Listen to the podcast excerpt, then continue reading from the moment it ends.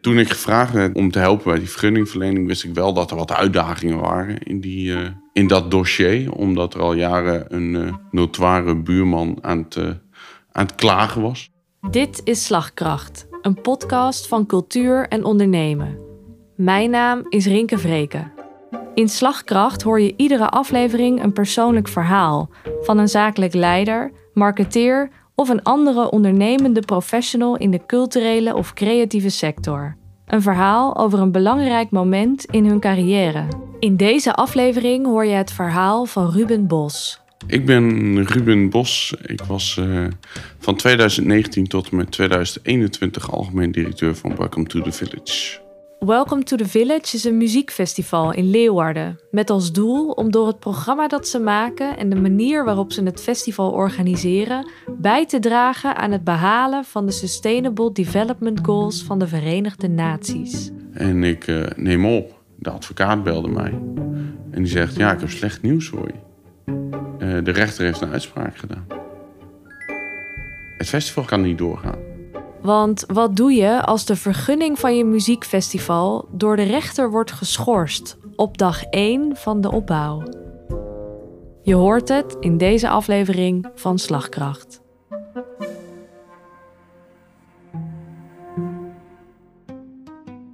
Ik was al jaren producent en ook onder andere bij evenementen in Leeuwarden. Daar heb ik ook een aantal keer uh, vergunningen voor georganiseerd. In 2013 is het festival uh, gestart en uh, toen kende ik al vrij veel mensen van de organisatie. En in 2018, eigenlijk 2017, toen een bekende van mij vroeg of ik dat dan daar ook wilde doen, heb ik daar ja tegen gezegd. Omdat ik A, de mensen al kende bij de gemeente, de juiste wegen ongeveer wist te bewandelen. En ik uh, dat ook wel interessant vond. Van ja, daar zit, uh, dat, dat wordt steeds een ingewikkeldere situatie, waar dan ook in Nederland. En ook in de gemeente Leeuwarden. Dus uh, ik vond dat een grote uitdaging. Welcome to the Village vindt eigenlijk elk jaar plaats in de Groene Ster. Dat is een recreatiegebied in de buurt van Leeuwarden. Van de buitenkant lijkt het soms wel een gewoon muziekfestival. à la Lowlands of Pinkpop of wat dan ook. Maar achter de schermen gebeuren er zoveel dingen. De, de aankleding wordt gemaakt met mensen met syndroom van Down bijvoorbeeld. Eh, en heel veel uit de sociale sector. Er een heel grote innovatie. Eh, zijn er ontwikkeld. Onder andere Innovest is daaruit ontstaan. Het zijn allemaal platformen die uh, bijdragen aan een betere wereld. En dat in samenwerking met universiteiten, boeren, nieuwkomers. Dan vond ik zoiets fantastisch dat je met zoiets relatief kleins, ook al is het festival ja, jaarlijks trekt het enkele duizenden bezoekers per dag. Uh, maar achter de schermen gebeurde er zoveel meer. Ik had daarvoor wel uh, jaren wat wat dingen gedaan bij verschillende grote nationale festivals. Uh, ook regionale, wat kleinere festivals opgezet. Toen kwam ik er toch wel achter dat mijn ambitie meer lag in hoe kan ik de wereld een beetje mooier maken uh, um, met cultuur. Toen ik gevraagd werd om te helpen bij die vergunningverlening, wist ik wel dat er wat uitdagingen waren in, die, uh, in dat dossier. Omdat er al jaren een notoire buurman aan het aan het klagen was. En uh, niet alleen aan het klagen, maar da daadwerkelijk uh, naar de rechter ging om uh, bezwaar aan te tekenen voor het festival.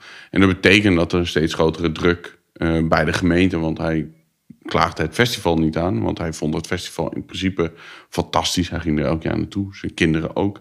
Maar in datzelfde gebied waren meerdere festivals. of het nou over geluid ging of over dieren. Hij, het kon alle kanten op gaan. En hij maakte daar dus bezwaar tegen. Dus de vergunningwet is een belangrijk onderdeel. Nou, dat vond ik eigenlijk een heel leuk traject wel. Ik, kwam echt even eh, helpen. Ik hielp mee, alleen mee met het schrijven. En het compleet maken van wat hoort er allemaal bij, wat komt er allemaal bij kijken en hoe doe je dat, wat moet je wel en wat moet je niet zeggen. Omdat je daar continu in een soort debat met de gemeente zit. De gemeente wil informatie weten, maar waar geef je dan te veel of waar geef je te weinig? Uh, wat hoort er wel bij? Waar gaat de gemeente eigenlijk niet over, maar willen ze wel weten? Of wat is belangrijk om mee te geven als context? Nou, waar Contour Village vindt ecologie en natuur ook heel belangrijk. Er is niet voor niets al jaren een ecoloog bij betrokken. Die houdt populaties in de gaten. Dus ja, dat soort dingen moet je wel noemen. En uh, ja, het was wel een gevecht in die zin, in de organisatie. Want iedereen wil natuurlijk niet bezig zijn met het maken van een vergunningaanvraag. Want dat betekent ook dat je sommige details dus ergens vastlegt in een vergunning. En die wordt verleend. En dat betekent dat je dan iets vastzet. Maar dat moet wel. Want je moet eigenlijk de kaders met elkaar bepalen om waarbinnen je kunt werken. In, in die basis ging het eigenlijk heel goed, totdat je natuurlijk weer eh, tegen, de, eh, tegen weer in de rechtbank belandt. En dat je daar dan weer je verhaal gaat doen tegenover een uh, rechter en vertellen wat Welcome to the Village is, wat je beoogt te doen en wat je belang is. Ik ging mee uh, naar de rechtbank, uh, omdat ik natuurlijk de aanvraag had ingediend. samen met de algemeen directeur, Bianca Pander was dat destijds. Om gewoon samen daar in de rechtbank te zitten en te luisteren wat de bezwaren waren. En te kijken waarom en wat de rechter daarvan zou vinden. Even voor het beeld, dat was letterlijk vier dagen voor het start van het festival. Dus iedereen was met hele andere dingen bezig. Dat was letterlijk mijn eerste keer in de rechtbank. Dus ik werd uh, door de advocaat even ingelicht van tevoren. Van ja, dit ga je meemaken. En dat was heel waardevol. Want ik dacht echt, oh my god. En hij zei ja, letterlijk, het is gewoon een gesprek. En de rechter is een voorzitter. Dus je gaat met elkaar in gesprek als bezwaarmaker en als gemeente de, de, de, de, waar tegen bezwaar wordt gemaakt.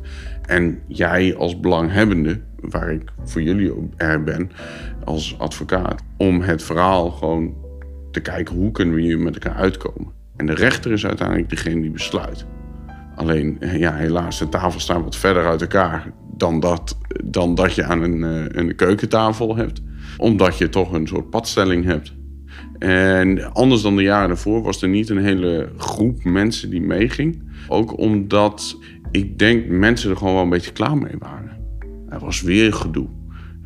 En op een gegeven moment moet je daar gewoon geen aandacht meer aan geven. En als je er aandacht aan gaat geven, dan voelt zo iemand zich misschien alleen maar meer in, zijn, uh, in, in het zicht als bezwaarmaker. En dan wordt hij misschien alleen maar bozer. En dat, dat wil je niet. Je wil gewoon een gesprek met iemand hebben. Nou, volgens mij de volgende dag was er al een uitspraak, omdat je een paar dagen later uh, al een festival moet runnen. En die was heel positief voor het festival. Ik was heel blij dat de vergunning stand had gehouden. Maar ik was wel nog steeds in contactpersoon voor de gemeente, voor alles wat daar gebeurde. Nou, dan merk je wel dat het onder een enorm vergrootglas ligt, zo'n festival. Zeker als er bezwaarmakers zijn. Toen dacht ik echt van, oh jongens, waarom moet het zo moeilijk? Uh, ik zag heel veel mogelijkheden. Nou, daar ben ik ook met directie en toen uh, met, met onder andere degene waar ik door gevraagd was, die goede bekende van mij, die zei ook van ja, dit, die rol die ik heb, die wil ik helemaal niet meer. Van ja, zou je mijn rol voor het jaar willen overnemen als festivalcoördinator?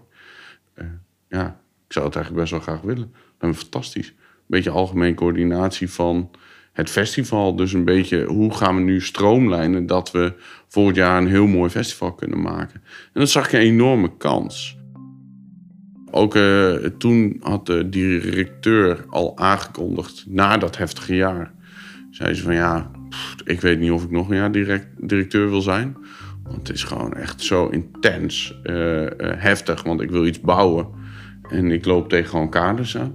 Nou, en daar hebben we wel gesprekken over gehad. En op een gegeven moment uh, droeg ze mij uh, voor bij de Raad van Toezicht. Van gewoon misschien uh, moet, moet hij dan maar algemeen directeur worden. En daar, nee, daar moest ik over nadenken. Want ja, dat betekent ook wat voor je toekomst. Ik was net papa. Ik was nog in vier andere evenementen betrokken. Ik had net mijn eerste huis gekocht. Die was ik aan het verbouwen. Ik was letterlijk 60 uur per week aan het werk. Nou, uiteindelijk is, werd er besloten dat zij per 1 april 2019 afscheid zou willen nemen. Uh, dus daar moest ik wel over nadenken. Uh, maar uiteindelijk heb ik het wel gedaan. Omdat ik ook dacht van ja, dan doe ik dit jaar uh, eerst de huidige directeur nog. Die gaat me begeleiden tot vlak voor het festival. Dan weet ik in ieder geval de grote lijn. En dan kan ik vanaf dat jaar daarna kan ik me volledig focussen op het festival. Leek me een fantastische uitdaging. Eindverantwoordelijk voor eigenlijk mijn droom. Mijn droomfunctie, letterlijk wat ik altijd zei. Ik wil het grootste festival. En ik had net een paar maanden daarvoor geconstateerd... ik wil niet meer het grootste festival, maar ik wil een betere wereld maken. En hoe kan ik dat beter doen met een mooi festival? De grote verandering die ik merkte toen ik ineens een andere titel kreeg... dat je woorden anders geïnterpreteerd worden. Uh, waar ik altijd werkte in heel veel openheid en dat nog steeds wel doe, maar ook altijd heel veel graag met mensen in gesprek ga om te kijken van ja, wat is nu de beste weg? Want ik weet het ook niet altijd. Ik doe ook maar wat. Is dat met als je directeur bent, is dat soms net anders? Want dat betekent dat als jij een mening ergens over geeft, dat dat wordt geïnterpreteerd als waarheid. En dat vond ik best wel pittig. Om dat ik toen merkte van, oh ja, ik moet dus misschien niet meer alles zeggen wat ik denk. Of wat ik voel, wat ik denk wat de goede weg is. Want ik kwam ook nog maar net kijken. Want de meeste mensen werkten er al vijf tot, tot eigenlijk, of van uh, vijf jaar of enkele jaren. Die waren er begonnen als stagiaire. Die wisten precies hoe de hazen liepen. En ik wist het soms nog niet. Helaas uh, uh, was 2019 een hele slechte editie. Je weet twee weken van tevoren zie je de eerste weersverwachtingen. En zeker als de kaartverkoop niet van tevoren supergoed loopt, dan ben je afhankelijk van je dagverkoop. En op het moment dat het niet goed in de voorspellingen zit qua weer, gaan mensen niet naar een buitenfestival. En dan weet je gewoon, dit gaan we niet meer redden. En dan gaat het over heel veel geld, heel snel de, de conclusie was eigenlijk voor het festival al dat ik een hele pittige periode niet al voor het festival had, maar dat dat ook de periode na het festival zou zijn. Want er moesten heel veel keuzes gemaakt gaan worden. Uh, uh, die grote consequenties zouden hebben voor heel veel mensen. We hadden natuurlijk heel veel geluk dat we als structureel gesubsidieerd waren. En daar ga je dan kijken met elkaar wat het plan voor het jaar erop was. Nou, daar hebben we wat keuzes in gemaakt. Van ja, we gaan op deze manier verder. Maar dat was wel pittig, want je moet afscheid nemen van mensen. Je moet mensen zeggen van ja, we gaan niet met het hele jaar met elkaar werken. En toen op een gegeven moment wist ik echt niet meer waar ik moest zoeken. Ik had heel veel dingen opgelost, eh, maar ik was helemaal opgebrand. Eind november uh, uh, heb ik dat ook aangegeven bij het Raad van Toezicht. En die hebben gezegd, nou, ga jij eens even rustig aan doen met je kindje. En uh, genieten van het leven. Want er zijn zoveel mooie dingen waar je van kan genieten. En ik zag alleen maar beren. Dus dat heb ik gedaan. En toen kwam ik terug. En toen kwam twee maanden later uh, de persconferentie van corona. En toen zei mijn collega: Dit kan best wel eens heftig worden. Dit kan wel eens langer gaan duren. Toen we eindelijk weer perspectief kregen eh, na 2001, 2020 was de zomer eigenlijk vrij open. Er was nog geen vaccin. Maar die was wel in aantocht. Uh, werd aangekondigd en zo. Nou, toen dacht ik, nou, we kunnen ons plannen gaan maken voor 2021. We gingen letterlijk weer om de tekentafel. Fantastische tijd. Veel eh, inspiratiesessies met elkaar gedaan. Spellen gespeeld. Coachen, met coaches aan het werk geweest. Om te kijken, wat, wat, wat is nu de kern? Wat willen we vertellen? Tot eigenlijk uh, uh, april. En toen kwam de rechtszaak weer. Uh, er werd weer bezwaar ingediend. Dezelfde persoon. En dat betekende dat wij eind juni naar de rechtbank moesten. Om te vertellen, of om onze verhaal weer te doen. Om dezelfde, of nou ja, net weer iets andere reden. Omdat er weer iets anders was geconstateerd. Maar we, waren, we hadden wel het gevoel, ja, het is gewoon hetzelfde als elk jaar. Dus dat, dat gaat ons niet in de weg zetten. En uh, toen op de dag van de opbouw kwam de uitspraak van de rechter. En ik uh, neem op. De advocaat belde mij. En die zegt, ja, ik heb slecht nieuws voor je. de rechter heeft een uitspraak gedaan. Het festival kan niet doorgaan. Drie uur later zou de eerste leverancier arriveren. En zouden we handtekeningen zetten over dat wij het terrein over zouden nemen. Ik zeg, ja, eh, eh, echt letterlijk stond ik met mijn bek vol tanden van... Dit, dit kan niet. Dit kan gewoon niet. Ik ben twee jaar echt keihard aan het werk geweest voor... De emotie kwam gewoon weer boven. Ik zeg, ja, sorry, ik bel je zo terug. Ik ga nu naar mijn auto, in mijn auto zitten. Ik uh, mijn raad van toezicht gebeld, want die hebben daar ook een verantwoordelijkheid in. gevraagd of zij per direct ook aan wilde sluiten. En misschien nog wel het bijzonderste was dat ik mijn team moest informeren. En moest zeggen, jongens, uh, ik heb, ik, want ik was daar niet. Ik was niet op kantoor. Dus ik belde naar het kantoor en naar, naar een van de MT-leden. Ik zeg, ik wil dat je nu alle andere MT-leden bij elkaar roept en je zet hem op de luidspreker. Dus iedereen werd bij elkaar geroepen. Ik werd teruggebeld. En ik zeg, jongens, we hebben een groot probleem. Het festival gaat niet door. En ja, letterlijk, we waren met elkaar eigenlijk telefonisch. Ik weet niet meer. Ja, het, was gewoon een soort. Iedereen was flabbergasted. En we hebben elkaar gezegd: Ik zeg, niemand mag hier iets over zeggen. Totdat ik weer bij je terugkom. Want ik ga nu naar onze advocaat. En we houden. Uh, je moet gewoon doorgaan met wat je aan het doen was. Want niemand mag het op dit moment nog weten. Zo letterlijk, want dat kan gewoon niet. Want je weet niet wat de schade gaat zijn. Dus ik ging uh, recht, linea recta in de auto naar, uh, naar de, onze advocaat. We zaten letterlijk daar in een overleg met, alle, uh, met de advocaten. En om te, onze strategie te bepalen. Van ja, hoe gaan we dit doen? Maar ook, wat vertel je aan de buitenwereld? Ga je nu compleet cancelen? wat zijn de risico's? Wat kost dat? Wat alle, echter, je maakt binnen een half uur, een uur, moet je een compleet risico-inventarisatie maken over het feit dat dat gebeurt. Dat dat letterlijk gebeurt. In die week daarvoor, toenmalig was coronabeleid, dansen met Jansen. En dat liep de spijgaten uit en de besmettingen stegen enorm. Ja, en het, nou, toen hebben we het gewoon moeten cancelen. Hebben we ook geen alternatief kunnen doen. Hebben we niks meer kunnen doen.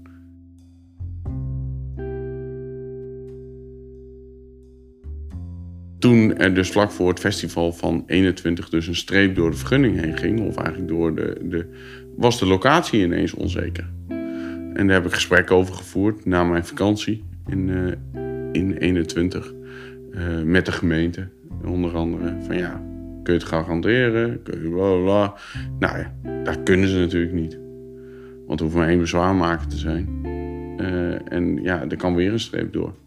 Dus dan moet je op zoek naar een nieuwe locatie. Waar je dan weer verder kan werken. Aan een nieuw festival. En, uh, en toen heb ik ook vrij snel in mijn hoofd bedacht van ja, maar dat ga ik dan niet meer doen. Want dan moet ik nu eigenlijk, wil ik dan het stokje nu overdragen, waardoor een nieuw directeur op zoek kan gaan naar zijn eigen festivalterrein. Naar zijn eigen plek.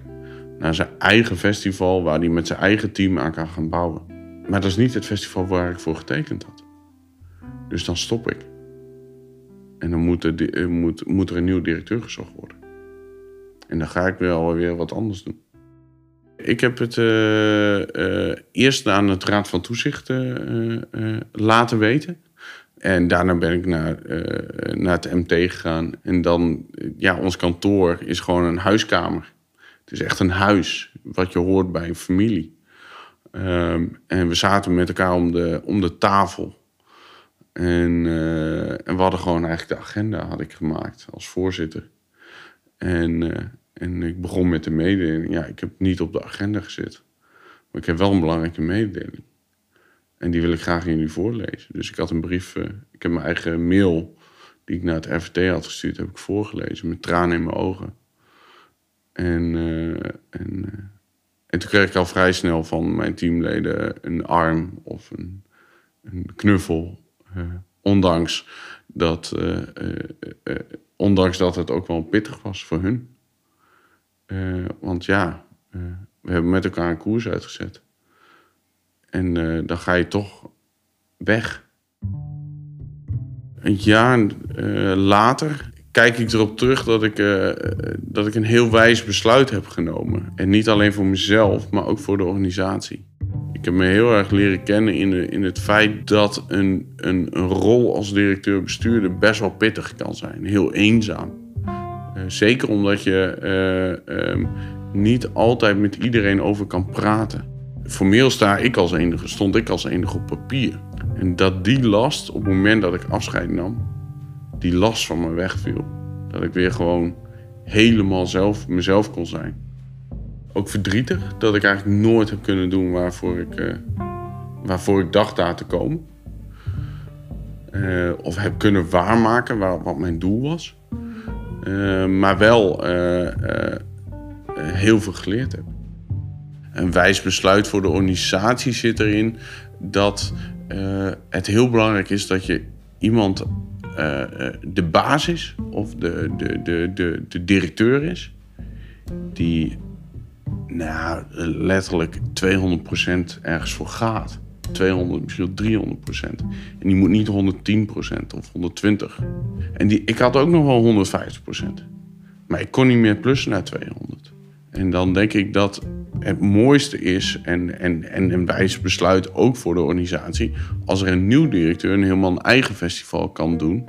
Want dan het festival wordt gesmeed en de organisatie wordt gesmeed om de nieuwe locatie van het festival met het idee van de nieuwe directeur. Niet het idee wat ik heb of had. Want dat betekent dat ik iemand opzadel met misschien wel een heel stom idee. Ja, de, de, als ik terugkijk op de vergunningen en bezwaren, dat is niet een traject waar ik weer per se in terug wil keren. Maar ik had één ding voor ogen. Ik wil nog steeds bijdragen aan een betere wereld. En die baan heb ik gevonden. Want ik ga nu met, uh, in de opdracht van Staatsbosbeheer uh, werken aan een mooiere omgeving.